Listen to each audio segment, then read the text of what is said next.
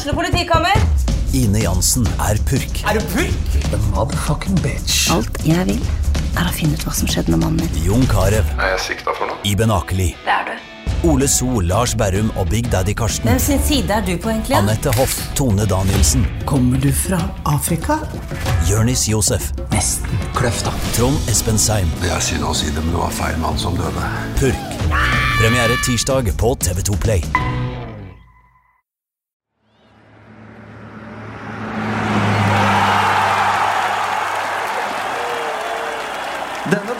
Podkasten er levert i samarbeid med Ford.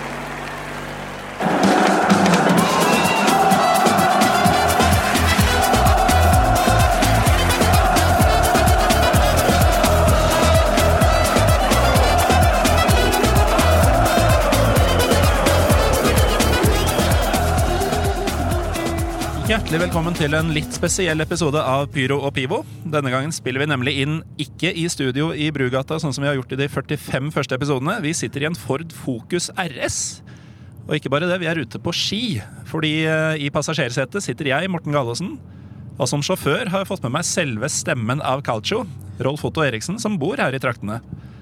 Og eh, Rolf Otto, hvis jeg eh, sier Twitter og The best of both worlds, hva tenker du da? Ja, da Nå måtte jeg faktisk tenke meg litt om, men eh, det er jo en eh, blanding av eh, Petter Wæland og Thor Eggen. Og det har jeg lest at da er Deres kjærlighetsbarn er meg. Det er riktig. Denne perfekte symbiose mellom formidlingsglede, evne og kunnskap er da, ifølge Mats Berger i Fotballuka, min kollega der, personifisert i deg.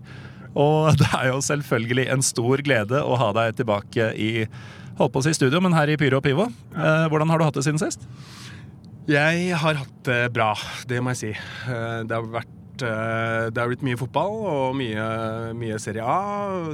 Og en gledelig utvikling der også, som gjør at det egentlig bare blir mer og mer givende å ha både Serie A og Calcio, men selvfølgelig også Italia som, som utgangspunkt for mye. Ja, for det er litt av bakteppet for at eh, det er akkurat vi to som sitter her i dag. Fordi det var vel i februar i år at du første gang var med her, og da snakka vi mye om eh, diverse ting i italiensk fotball, men spesielt da hvor mye som var, eh, var feil i forhold til hvordan det var på 90-tallet, da jeg vokste opp i hvert fall. og mange storheter med brukket rygg, ikke noen faktisk tittelkamp. Eh, mye har skjedd siden da. Hvordan vil du beskrive Serie A i desember kontra februar i år? Da er det jo det som kanskje ga størst grunn til optimisme før sesongen. Det var jo uh, Milans uh, som en slags uh, fugl føniks, eh, nærmest, som eh, reiste seg litt fra, fra aska. da. Med mange spillerinnkjøp, med nye eiere og en uh, offensiv innstilling som, uh, som vel ga selv de mest kritiske milanisti grunn til, uh, til håp. Og det at Milano da kanskje var i ferd med å, å starte på noe som kunne være en gjen, gjenreisning av, av Milano som fotballby. Og så har jo Milan har jo skuffa, men Inter, som da fikk holde på litt i det stille, har jo da klart det Milan egentlig eh, både det blei venta og, og kanskje håpa at de skulle klare. Så Inter er blitt eh, en eh, i øyeblikket tittelutfordrer igjen, og, og gir, eh, er jo det eneste ubeseira laget faktisk i Serie A i øyeblikket. Så Milano er tilbake på kartet, men ikke med Milan, men da med, med Inter. I tillegg så har jo Napoli fortsatt eh, utviklingen og, og tatt eh, enda et steg under, eh, under Mauricio Sarri. Så de er på sitt beste, bedre enn noensinne, men fortsatt litt tynne. Og den konsekvensen det får, er at de nedprioriterer Champions League. Og er da slått ut der, skal fortsette i Europaligaen, som sikkert du har sans for, Morten. Men, eh, men eh, det er jo ikke fordi de ikke er gode nok til å gå videre i Champions League, det er rett og slett fordi de har nedprioritert. I Serie A så har Napoli vært eh, gode og, og bedre enn noensinne på sitt beste. På toppen av det så er også da Roma selv om de har Syns skal komme litt nærmere tilbake til. Men de har uh, mista Totti, de har mista Spalletti, og det er mye som har skjedd i klubben der, men de er også framstår sterke og er jo ett av to italienske lag som har tatt seg videre i Champions League. Så konklusjonen er at eh, det er jevnere enn på mange, mange sesonger i Serie A. Og det er eh, flere lag som har tatt steget opp på et eh, høyere nivå. Og sånn sett så er det, det er god grunn til optimisme, selv om det fortsatt er mørke skyer i horisonten. Og vi sier at det har skjedd mye i Milan uten at det nødvendigvis har skjedd mye i Milan. Og det har skjedd mye i Roma. Men så har vi da Inter, hvor det i utgangspunktet ikke skjedde så altfor mye. Men jeg husker før eh, sesongen så var det veldig mye snakk fra eh, kjennerne om eh, Spalletti annet, og at hans inntog kunne bety mer enn enhver signering. Jeg trodde det var, var litt oppskrytt, hva han kunne bety, men hva, hva er det som foregår i Inter nå? Det har ikke vært de rare Eller det har vært strålende spillekjøp, men det har ikke vært veldig mange av dem. Og Spalletti har tilsynelatende piska sammen et Spalletti-lag på fryktelig kort tid. Er han eh, Hva slags fenomen er denne fyren?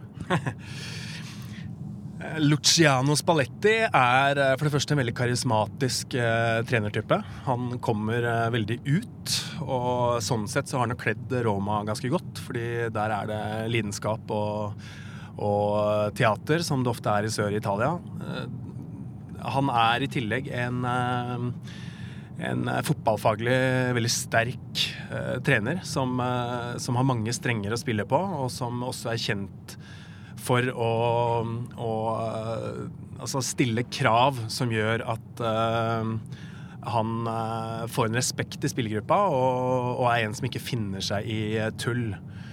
Så Og har da gjort det godt i, eh, i Roma tidligere, men eh, det som er kanskje det mest interessante sånn i, i utgangspunktet når det gjelder uh, inntreden hans i Inter, det er jo at det er den, eh, det er egentlig det, det er den første storklubben, eh, hvis vi da ser bort fra Roma, som Spalletti får prøve seg. Fordi eh, i Serie A-sammenheng så er det bare Roma som, eh, som han har eh, trent på av storklubbene. Så det var en test, og fordelen til Inter er jo at de fikk jobbe veldig mye i fred, fordi Milan fikk all oppmerksomheten, både fra media, fra fotballinteresserte, fra fans. Så øh, de øh, Faktum er jo at Inter hadde et veldig godt fundament å bygge videre på. Og Frank de Boer øh, var jo treneren da sesongen øh, starta sist, og, og han hadde jo faktisk en, en veldig interessant stall, men han klarte ikke å kommunisere med spillerne. Så der ble det vanskelig. Så poenget er at Spalletti tok over en, en ganske god stall. Og så er det en spissa med, med to-tre spillere som, som har kommet inn, og som Valero, som Vesino, for å nevne to som har kommet inn og som har styrka Inter, uten at det er de aller største stjernenavn. Men det er navn som kjenner Serie A, og særlig Valero. Er jo en spiller som har vært uh, jevn og, og veldig god for Fiorentina, og som har betydd mye for Inter. Så det var smarte uh, valg Inter gjorde der, og, og har satsa der på å bygge et lag eh, i større grad enn at eh, det er de, de aller største, største navna som, eh, som, har, eh, som har vært det viktigste for dem å skaffe. Et av disse navnene er jo Milan Skriniar. Kanskje høstens mest hypa forsvarsspiller, i hvert fall. Kanskje en av høstens mest hypa overganger. Um, du har jo sett han en god del mer før han gikk til Inter. Hvor er han ekte vare, denne fyren? Jeg, kan, eh, jeg har i hvert fall ikke sett noe som tyder på at han ikke er det. Eh, Han er en eh, moderne midtstoppertype som både er defensivt skikkelig, naturligvis, duellsterk både langs bakken og, og i lufta, har fart nok, er, er fysisk skikkelig, og også en som som både kan behandle ball, og som, som er en, eh, en trussel på, på offensiv eh, dødball, og som er Altså Han er en, en midtstopper som eh, med enda mer eh, erfaring på, på dette nivået, så, så tror jeg vi snakker om, eh, kommer til å snakke om en av Europas aller, aller beste midtstoppere på permanent basis. Apropos eh, ja, kanskje ikke Europas beste noe som helst, men et annet lag som ser sterkere ut enn på lenge, og det samtidig som byrivalen også har noe på gang, det er jo Lazio, som, eh, som på en måte har vaka litt i dalene i, i årevis. Eh, hvor, eh, hvor, spennende ser dette Simone Inzaghi-ledede laget ut? Inzaghi har gjort en meget solid jobb som Lazio-trener. Der var det jo en god del fram og tilbake før han til slutt fikk jobben permanent. Eh, Villdyret Bjelsa var jo inne i, i, noen timer og blei borte igjen. Og så, så, var det jo Insagi som, eh, som, kom inn. Så det han har gjort eh, etter at han fikk hovedansvaret, og, og måten han har klart å, å, sy sammen en enhet av, av Lazio-laget på, har imponert meg veldig. Og den roen og Uh, ja, så Han eh, oppfører seg som en ringrev på, på benken, og det er han jo foreløpig egentlig ikke. Men, uh, men jeg syns han uh, det, er, det er, sider ved Insagi som, som, gjør at jeg tror han kan utvikle seg til å bli ja, altså en av de neste virkelig store italienske trenerne ekte italiener eh, på benken der. Eh, men det er jo noe deilig med at vi kan snakke om Inter og Lazio eh, litt der oppe igjen. At Milan, selv om de har mislykkes foreløpig, er relevante. Og så har vi Roma, da, som du Jeg vet at du er veldig klar for å prate litt om. Der er det mye å ta tak i. De ser jo veldig bra ut nå, og det var jo mange som frykta det stikk motsatte, i og med at eh, enkelte prinser var borte nå. Hva, hva tenker du? Ja, prinsen er fortsatt uh, til stede, faktisk. Men kongen har jo forlatt, uh, forlatt Stadio Olympico. I hvert fall som spiller. Det er jo Totti som, uh, som hadde sin siste sesong som spiller forrige sesong, og, og blei takka av som den kongen av, av Roma han er og fortsatt eh, er og for alltid vil bli.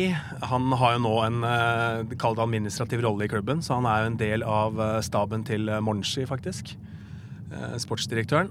Og Monshi har jo sagt, må jo nevne det også, han er jo Monshi er ingen hvem som helst. Og han har både snakka med store personligheter og håndtert det aller meste i fotballsammenheng. Men uh, han har uttalt det at uh, den dagen han skulle spørre Totti om Totti kunne tenke seg å være en del av staben hans i, i Roma, så skalv han i beina. Ja, det, det, tror jeg på. Han uh, du, du, har jo et visst potensial da, når du, du holder til i Roma. Ikonisk klubb, fantastisk by. Eh, og så har du duoen Monchi og Totti som skal overtale spillere om å komme. Det, det ser jo både burgunder og vinrødt og rosenrødt ut. Ja, det gjør det. Og det som er tilfellet, er jo da Totti ble borte. Spalletti, som vi har vært innom allerede, forsvant til eh, Inter. Og eh, Eusebio Di Francesco, som da fram til det tidspunktet hadde hatt Sassolo som trener. Han er tidligere Roma-spiller og blei faktisk seriemester med Roma sist uh, Giallo Rossi uh, vant uh, Scudetto.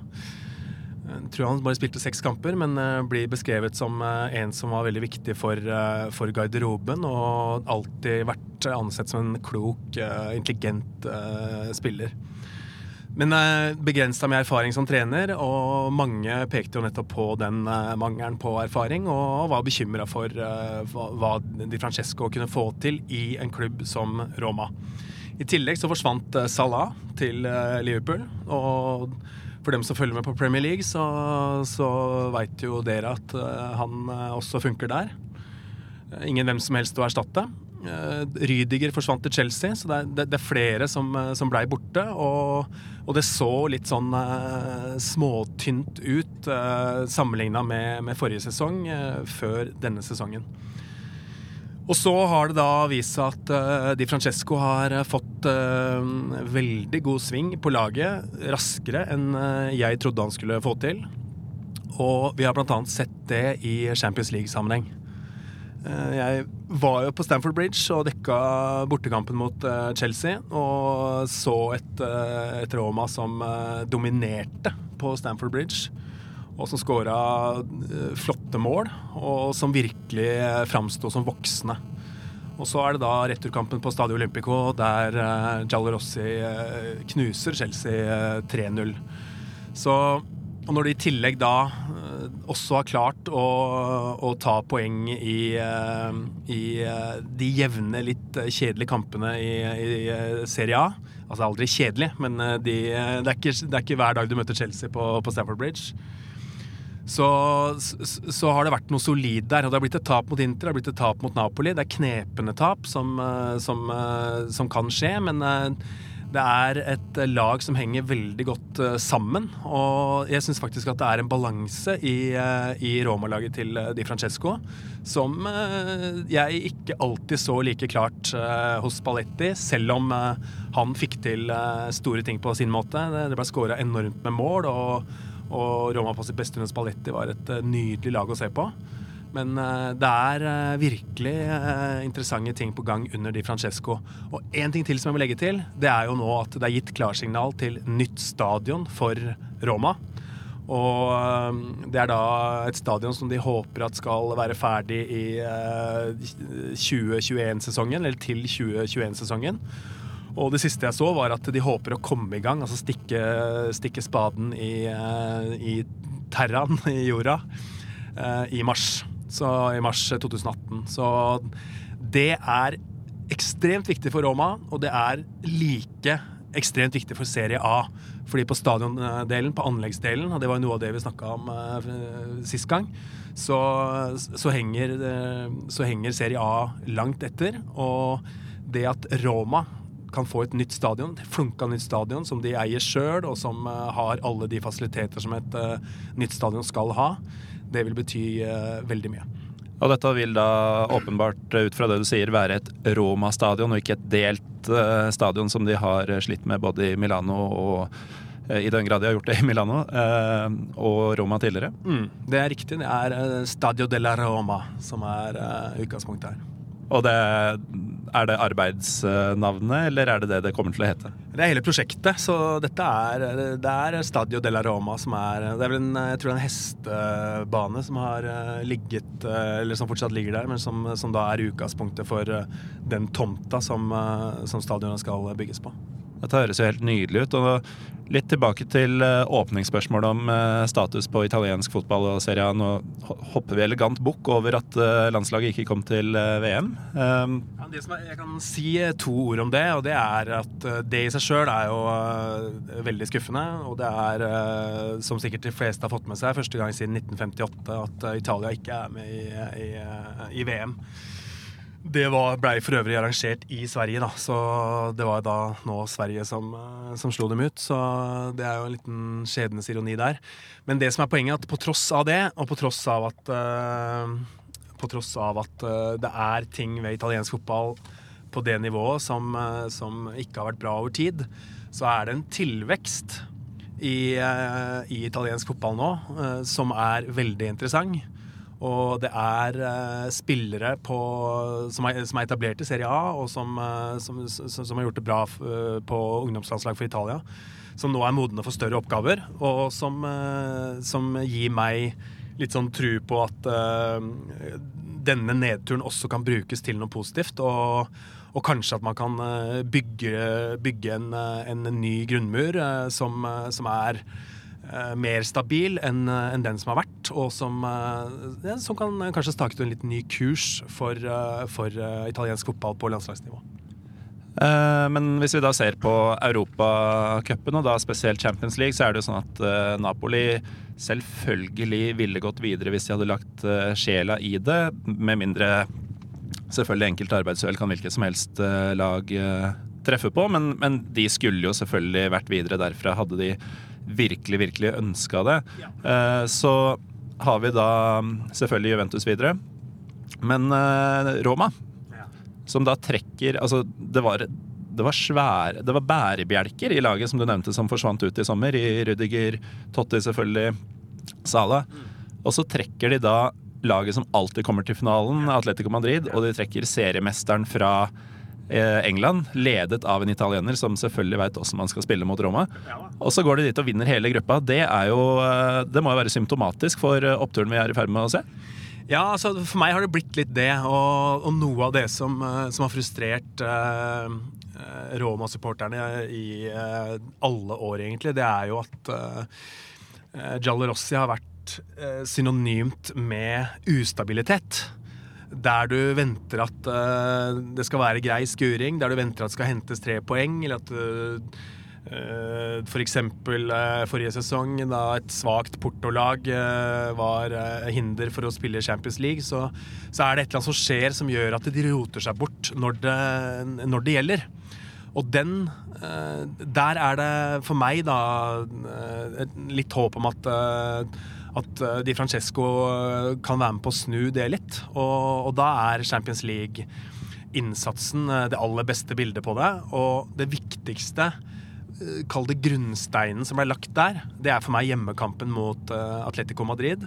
Der laget til Semione burde ha scora. Det er nesten et lite under at de ikke gjorde det. Men, uh, men en, uh, en uh, meget god Alison. For øvrig, Stensen er jo en annen mann som er borte, keeperen. Som kanskje var uh, serias beste keeper forrige sesong. Han er jo Juventus og reserve under Buffon nå. Men Alison, brasilianeren, kom da inn og, skulle være førstekeeper. Mange var skeptiske til han, inkludert meg sjøl. Men han gjorde da en praktkamp i, den, i det første oppgjøret mot Atletico Madrid. En helt super opptreden og klarte da å holde nullen. Så det at, det at Roma holdt nullen der og fikk, fikk en litt sånn uh, bekreftelse på at ok, vi kan faktisk holde nullen i, i sånne kamper òg. Og eh, det ga en, eh, et grunnlag for, for, det som har kommet seinere i, i, Champions League.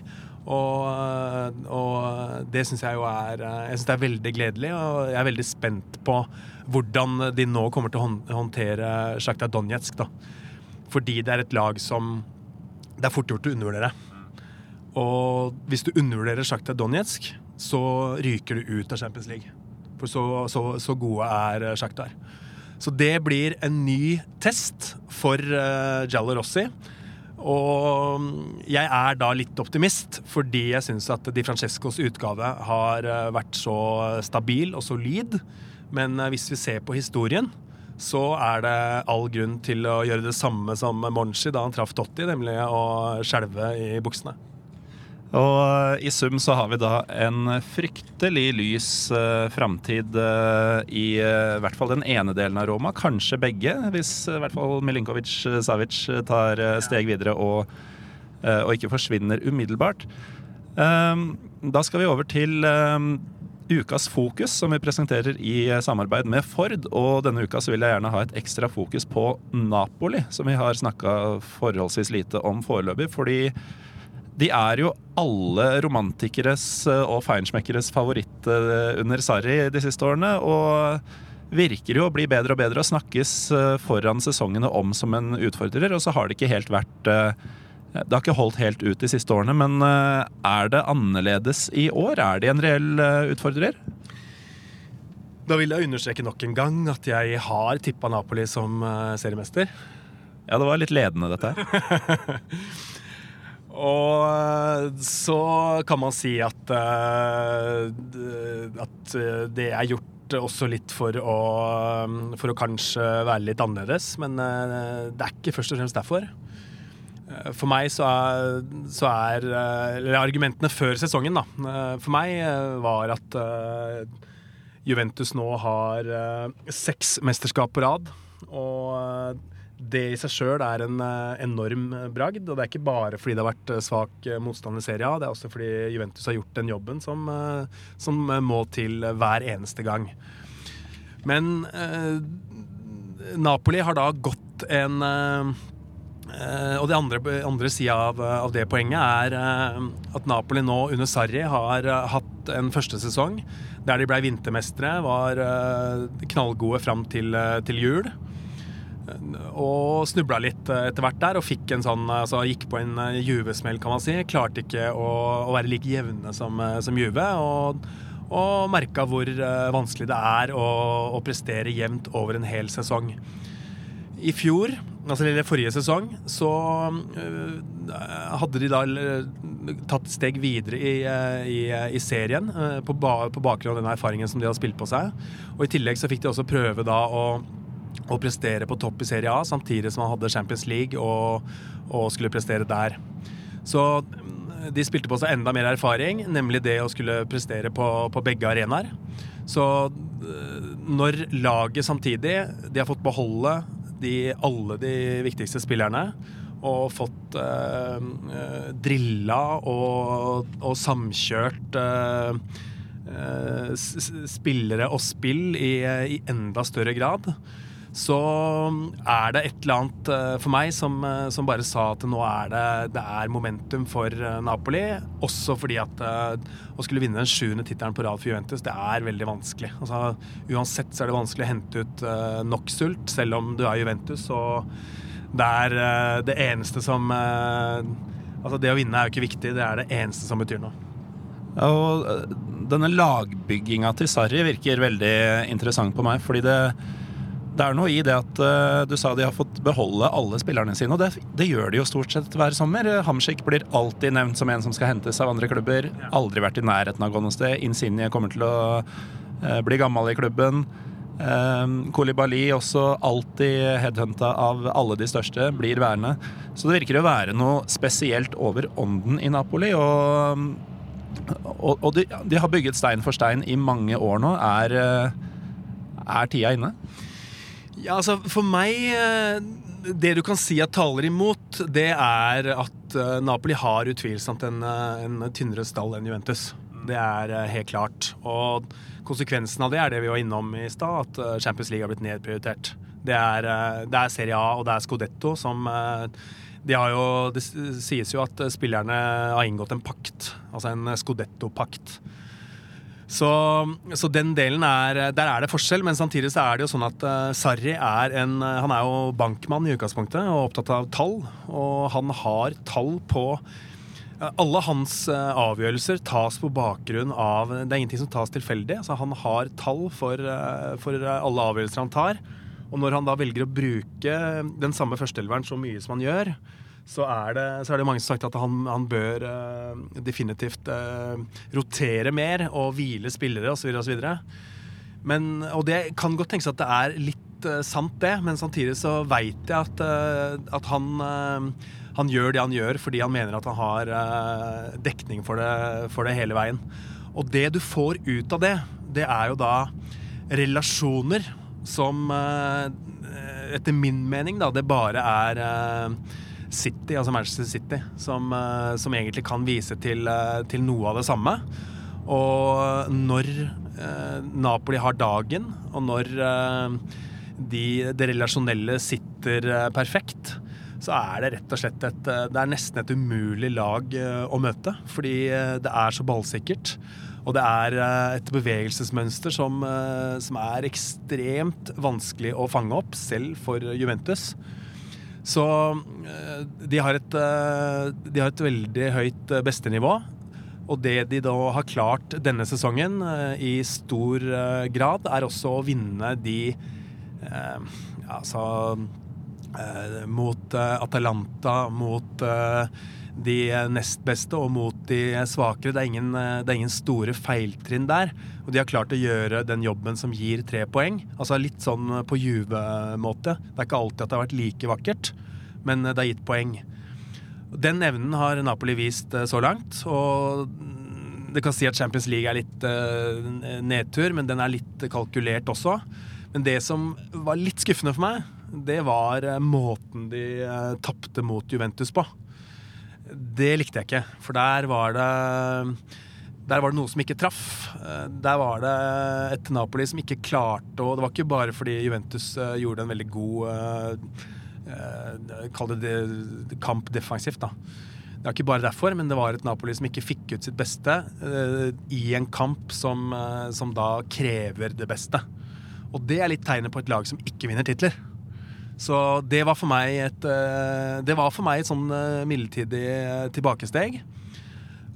Så får vi se om I januar så kommer Milik tilbake. Så da får de ekstra dekning på, på topp og en litt annen spisstype også enn Mertens.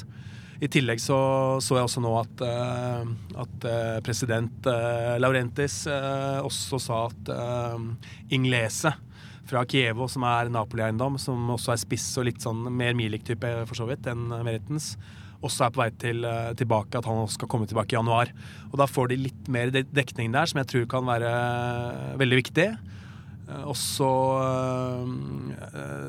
er det sånn for meg, da, at nå har Napoli lært i så stor grad under Sarri, og Sarri har lært.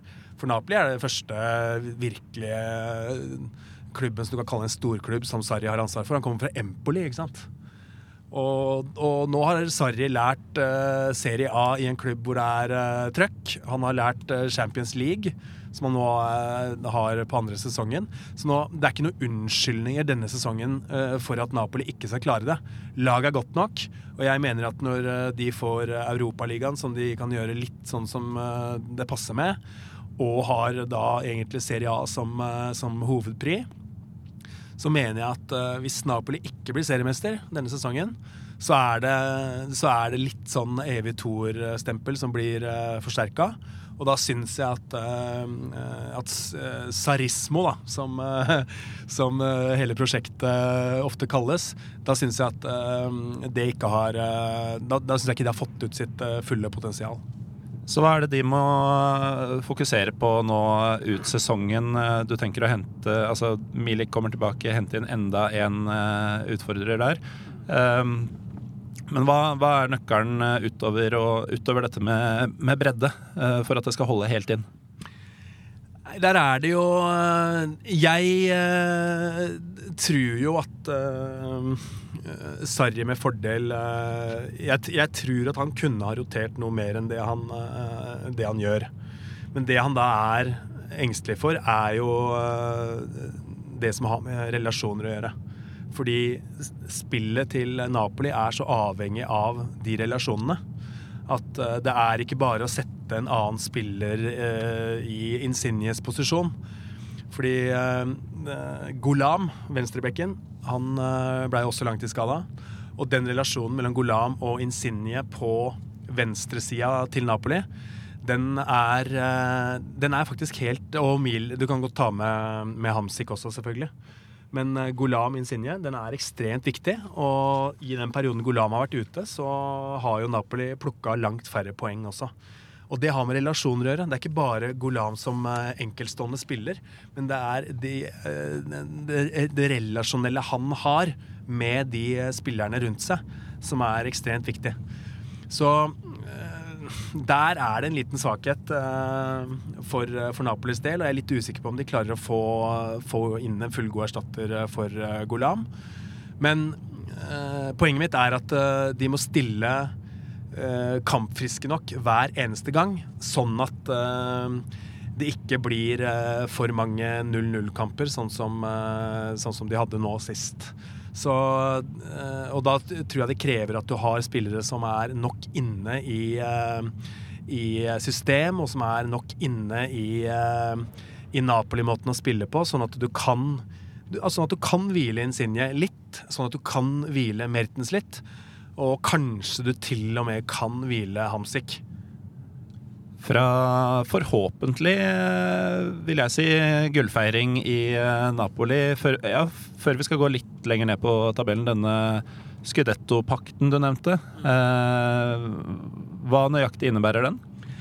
Det er vel eh, sånn at eh, spillerne da har blitt enige om at vi blir her. Og, eh, I hvert fall eh, denne sesongen helt 100% sikkert. Det gjør vi alle sammen, fordi vi veit at hvis vi blir og da snakker jeg om Mertens, jeg snakker om eh, Insigne. eh, Det er jo spillere som, som mange andre storklubber er på jakt etter.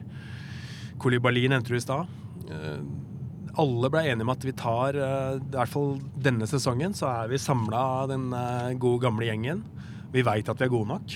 Og nå, nå blir vi, og nå skal vi, eh, nå skal vi vinne Serie A for Sarri, for klubben, og ikke minst for byen Napoli. Fordi byen Napoli er et veldig viktig bakteppe for både pakten og for det at eh, spillere faktisk blir i Napoli, selv om de har lavere lønn, selv om stadionanlegget er eh, altså så umoderne som et, eh, som et eh, toppanlegg eh, kan være.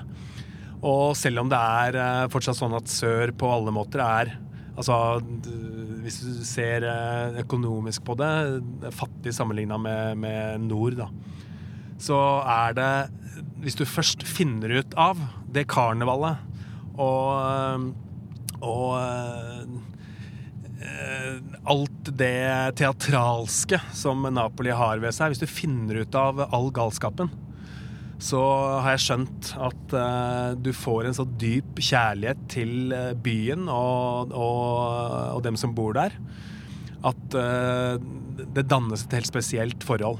Reina kjenner på det, Hamsik eh, kjenner på det, Mertens eh, kjenner på det, Insigne naturligvis, han er innfødt Napoli-gutt.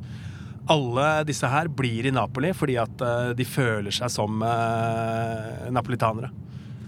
Det er så deilig å høre sånt prat oppi alt PSG-dinarer og, og whatnot. Men vi, må, vi må kikke litt lenger ned også. Vi nevnte dem så smått i stad, men man er jo skuffa over det AC Milan har gjort så langt, for å si det mildt. Ja. Og det har skjedd det som man kunne frykte at skulle skje. Det er henta inn uh, veldig mange nye spillere samtidig.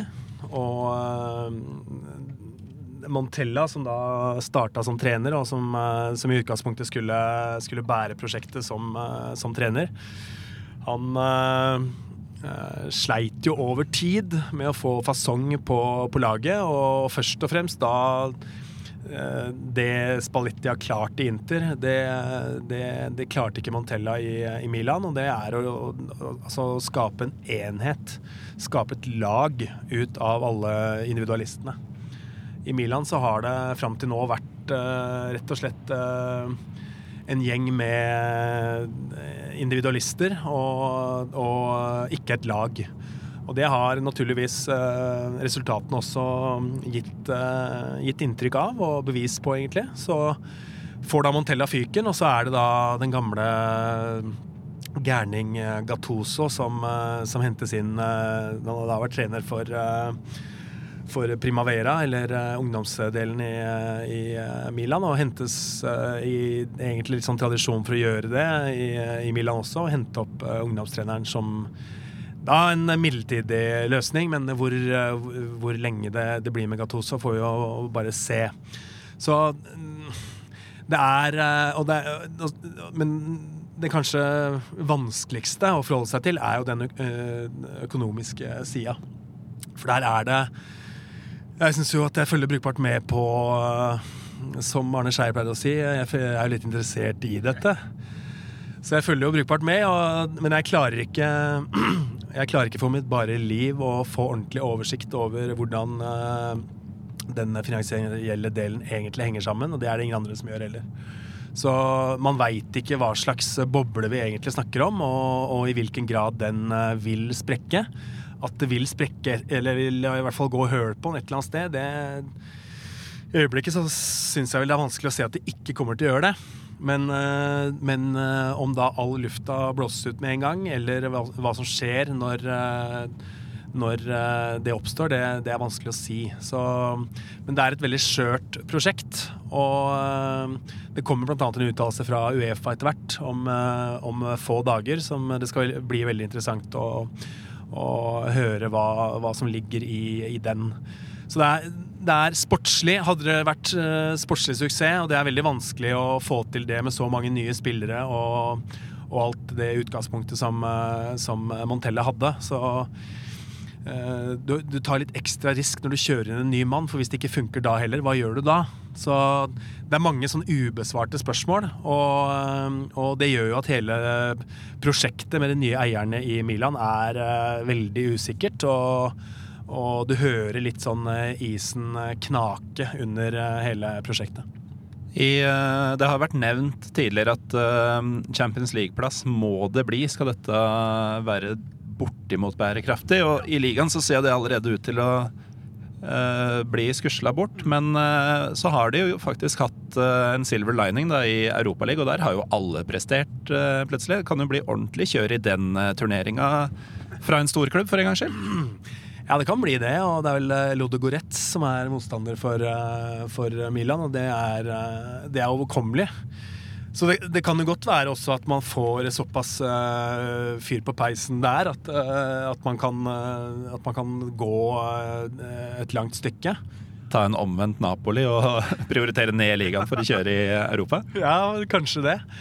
Det er rart med det. Hvis du merker at ting begynner å, å, å gå bra, så, så, kan det jo skje ting. Men nå veit vi også at det er en lang sesong, og eh, Lazio, vi nevnte dem i stad, har jo vist noen eh, ja, Altså, ikke svakhetstegn kanskje, men en liten sånn eh, dipp i formen.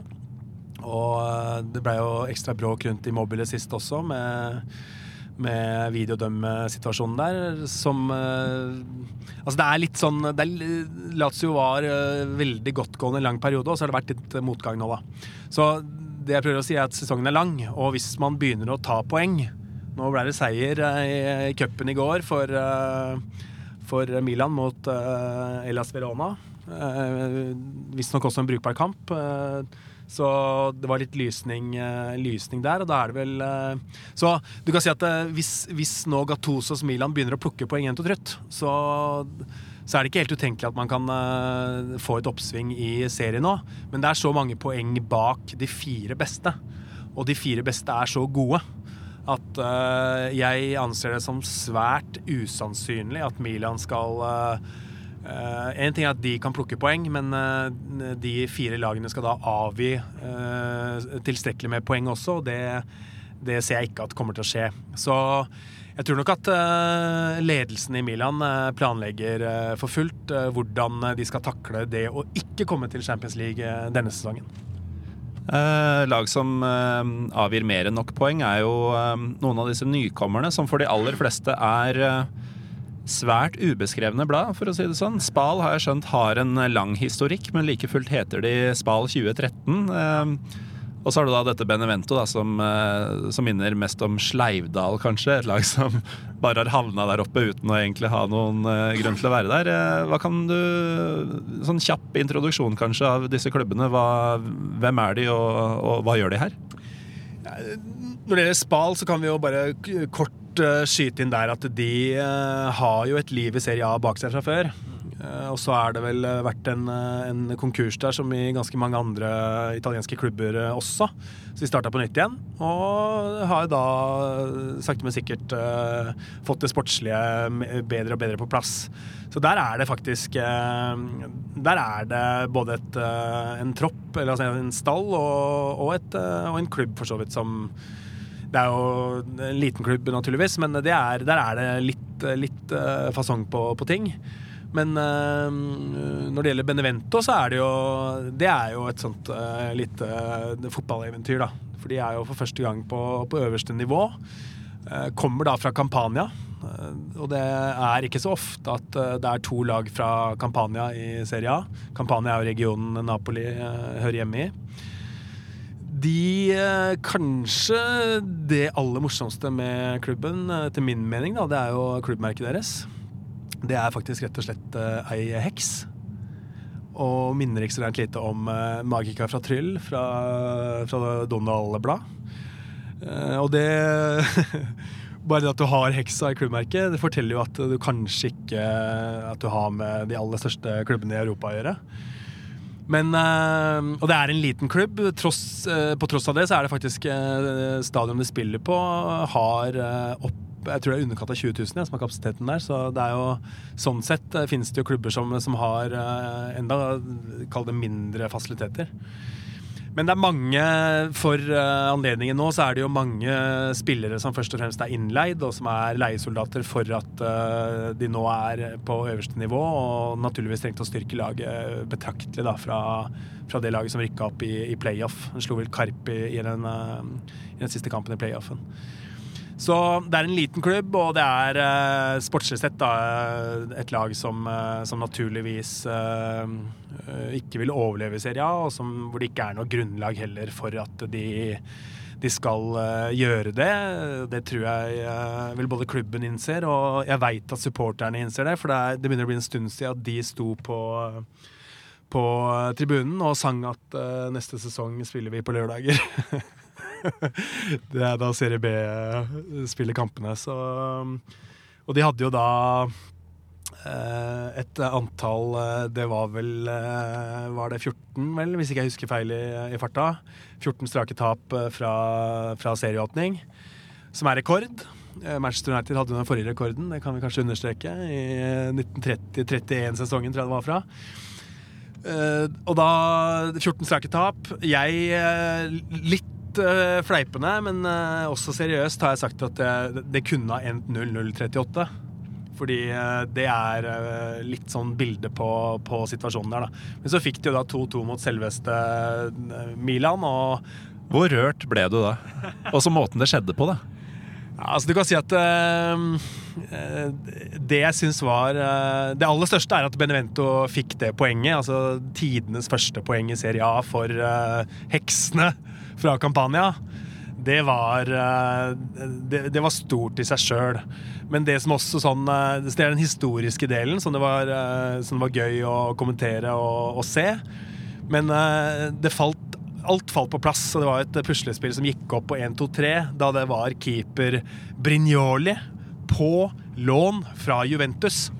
Som da stakk opp i feltet. Det er fire minutter på overtid. Frispark, det siste som skjer i kampen. Milan leder 2-1. Brignoli i grønt, sånn Kermit-grønn eh, keeperdrakt. Det blir slått inn i feltet. Han kaster seg fram, og et perfekt stupheading som da eh, havner i garnet bak eh, Donnarumma. Og det er tidenes eh, gledesscener, og det er jo som eh, det skulle vært eh, Scodetto og eh, og alt på en gang for, eh, for Benevento der og da. Men det der, altså, det det var, var at eh, de tok det første poenget noensinne i serien. Det minna meg eh, først og fremst om sånn småguttelag som vinner Norway Cup eller noe sånt. Og bare, de, de blir så glad som bare barn kan bli. Eh, og dette var da ett poeng av uh, 45 mulige så langt som ble feira på den uh, måten. Det er et lag til som jeg har veldig lyst til å snakke om, og det er Bergamos eh, helter. For de hadde jo en fantastisk sesong i fjor. Eh, mer eller mindre ribba i sommer. Eh, ikke helt på samme nivå i år, men leverer tidvis Eller jeg syns alltid det er gøy å se på dem. Og så er det aldri noen motstander som skal være helt trygge når de møter Atalanta. Nei, det er det ikke. Og der er det jo, det er jo flere sider ved Atalanta. Eh, noen vil kanskje først og fremst si at Glenn Strømberg er den eh, viktigste. Bare fortelle én ting om Glenn Strømberg, og det er eh, Det er alltid rom for Glenn Strømberg. Det regner jeg med. Eh, For det første en like hyggelig fyr i virkeligheten som han framstår på TV. Og han ser jo ut som han gjorde da han var kaptein og, og hærfører for, for Bergamos stolthet på 80- og begynnelsen av 90-tallet. Han eh, Jeg var sammen med han i, Ro i, i Roma da Roma møtte Chelsea, og det jeg kan si Han ga seg vel i 1992. Og det jeg kan si, er at eh, Italia har ikke glemt Glenn Strømberg. Fordi alle rundt der vi var, skulle snakke med Glenn Strømberg. Bort og hilse på Glenn Strømberg. Ta bilde av Glenn Strømberg, osv. osv. Og det er en fyr som ga seg i 1992. Han bor fortsatt i Bergamo. Og Riktignok har han vært på italiensk TV med jevne mellomrom, og sånn, så han har jo holdt eh, statusen litt ved like sånn sett. Men eh, Og så er han jo 1,90 høy og har litt sånn bohemsk stil som er lett å kjenne igjen. Men han blir kjent igjen, ga seg i 1992, og så sa jeg til Strømberg uh, Flate, altså. Det er kult å se at folk kjenner deg igjen fortsatt. Og det er jo det er gøy. Og da sa Strømberg Ja, men ja, jeg tror faktisk at de, de kommer ihåg meg som eh, litt bedre enn det jeg var, altså. Det, det kan, jo, kan jo fort være, være sant. Men uh, hva, hva er det? Si mer om Atalanta, da. Mer om Atalanta? Ja, men uh... Til dere lyttere så har vi bare én mikrofon her, det har dere kanskje skjønt. Så den går litt fram og tilbake. Men uh, Atalanta, Rolf Otto? Ja, der er det Vi kan gjøre det litt kort, men, men det som er viktig å nevne med Atalanta, er at de jobber veldig bevisst med, altså på, eh, med ungdomsarbeidet. eh, Og jobber eh, godt Og, og har en modell der spillere utvikles i, i Bergamo og av Atalanta. Og, og de har et, eh, både en modell og et apparat som funker veldig bra. Så de driver jo egentlig på den måten som eh, vi antagelig alle, egentlig ønsker at eh, klubber skal drive. Nemlig å utvikle egne talenter og, og, og være bevisst i, i den delen av, av fotballsyklusen. I tillegg så har de da fått en trener nå med, med Gasperini som eh, passer veldig, veldig godt til den profilen. Eh, Og som, eh, som også har lang erfaring fra, fra Serie A. Og der har de funnet en sånn perfekt balanse mellom en som, som både ønsker å bruke unge spillere, og som er flinke med unge spillere, som er faglig skikkelig, og som i tillegg har erfaring nok som trener på toppnivå til å vite hva som skal til for å også prestere godt i Serie A, altså vinne fotballkamper i Serie A. For det holder ikke bare å utvikle spillere, altså du må jo også ha et lag som, eh, som, eh, som er godt. Så den balansegangen mellom talentutvikling og, og det å, eh, å prestere eh, godt på, på toppnivå, den har eh, Atalanta funnet eh, veldig eh, godt ut av. Og, og de har jo også denne sesongen markert seg skikkelig i, eh, i Europaligaen. Og blant annet knust eh, Everton eh, ordentlig på, på goodiesen. Så, så det er Det også er et lag. Og det å spille for Atalanta og, og representere Bergamo, det betyr noe for, eh, for spillerne som er der. Også dem som ikke er oppfostra i, i klubben. Det er mer til Bergamo enn eh, fly, Ryanair-flyplassen til Milano. Ja, det er det absolutt. Og, og de har uh, veldig trofaste supportere. Og, og jeg syns det, det er veldig gøy at eh, De kaller seg vel eh, eh, provinsenes dronning da, på, på norsk. Og eh, det store for Atalanta var naturligvis at de blei Lombardias beste lag forrige sesong. Og i Lombardia så finner du også da det er jo Milano som er, eh, som er eh, hovedstad, holdt jeg på si, i, i Lombardia, den største byen. Så det er jo da Milan og Inter som er i Lombardia, men Atalanta klarte da det kunststykket. Og med de begrensa ressursene de har sammenligna med de to gigantene, og bli bedre enn både Milan og Inter. Og det gikk jo ikke upåakta hen, naturligvis. Nei, den er, den er stor. Og med headingene til Brian Cristante så kan du jo slå hvem som helst og havne foran eh, hvem som helst. Um, jeg vet ikke om du brenner inne med noe du må si om eh, italiensk fotball før vi skal parkere episoden, eh, Rolf Otto? Jeg eh, vil jo si, uten at eh, det er å blåse for mye i eget horn Eller som David Lederman pleide å si, eh, jeg skal ikke jeg skal ikke blåse i mitt eget horn. Selv om jeg, hadde jeg kunnet gjøre det, så hadde jeg gjort det.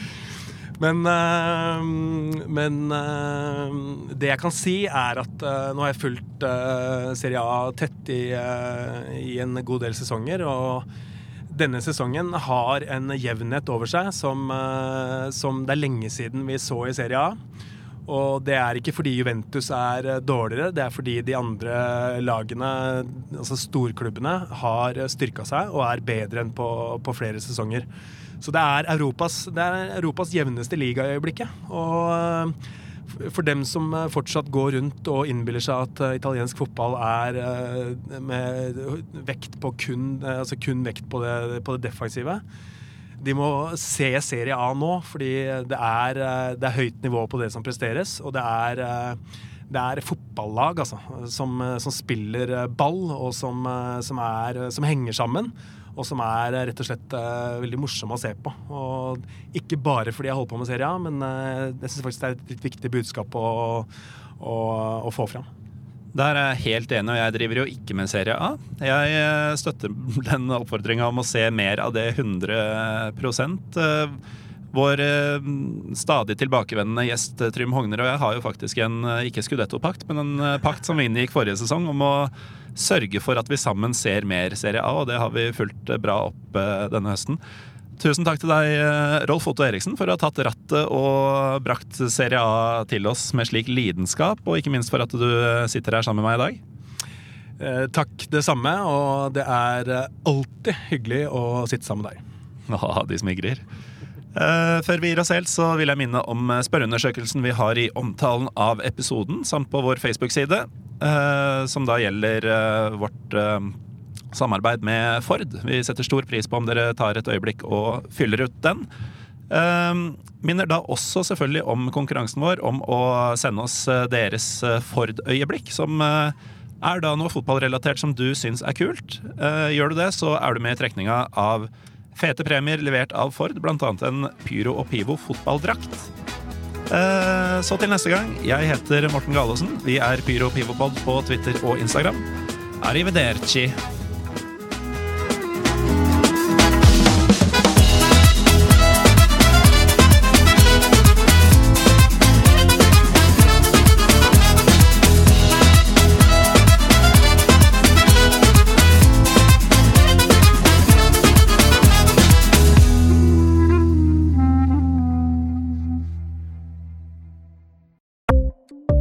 Ukens annonsør er HelloFresh.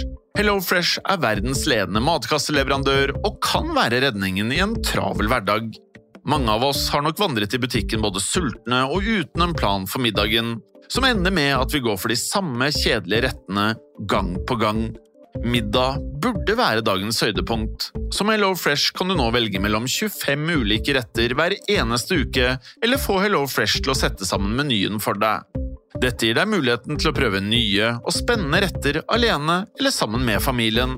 Du velger antall porsjoner og får alt levert på døren på et tidspunkt som passer for deg. Oppskriftene er enkle, og maten er lett å lage både for store og for små. Ved å få alt levert hjem får du også mer tid til å dele matgleden med familie og venner. Kanskje det frister med asiatiske tacos eller greskinspirert kylling? Da kan jeg anbefale deg om å gå inn på hellofresh.no. Her kan du bruke koden FOTBALL og få opptil 1779 kroner i rabatt på de første fem matkastene hvis du ikke har prøvd Hello Fresh tidligere. Du kan også bruke rabatten hvis du har vært kunde og stoppet abonnementet ditt for tolv måneder siden eller lengre. Gå inn på hellofresh.no og bruk koden FOTBALL. Har du et enkeltpersonforetak eller en liten bedrift? Da er du sikkert lei av å høre meg snakke om hvor enkelt det er med kvitteringer og bilag i fiken, så vi eh, gir oss her, vi. Fordi vi liker enkelt. Fiken superenkelt regnskap.